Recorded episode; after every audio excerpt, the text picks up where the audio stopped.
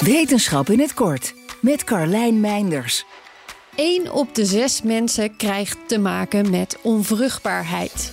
Naar schatting zorgde dat in 2010 voor zeker 48 miljoen stellen die zonder hulp geen kinderen konden krijgen. Als wordt gekeken naar onvruchtbaarheid bij mannen, is in een groot deel van de gevallen niet bekend wat de oorzaak is. Wel suggereren recente onderzoeken dat het aantal spermacellen dat wordt geproduceerd en mogelijk ook de kwaliteit ervan terugloopt. Parallel aan deze dalende lijn loopt een stijgende lijn. Eentje die laat zien dat overgewicht nog altijd toeneemt.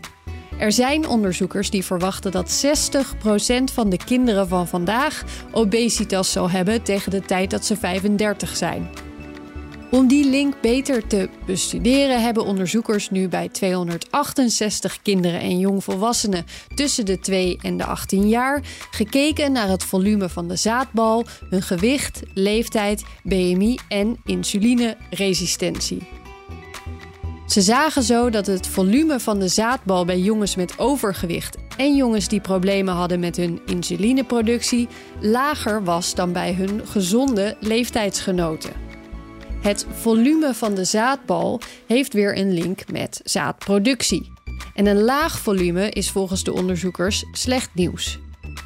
Overgewicht bij kinderen heeft dus, naast de bekende nadelen voor de gezondheid, mogelijk ook nog eens effect op hun vruchtbaarheid op latere leeftijd. Ook om die reden zou het dus belangrijk zijn om al op jonge leeftijd overgewicht te voorkomen. Wil je elke dag een wetenschapsnieuwtje? Abonneer je dan op Wetenschap vandaag. Spotify is partner van Wetenschap vandaag. Luister Wetenschap vandaag terug in al je favoriete podcast-apps.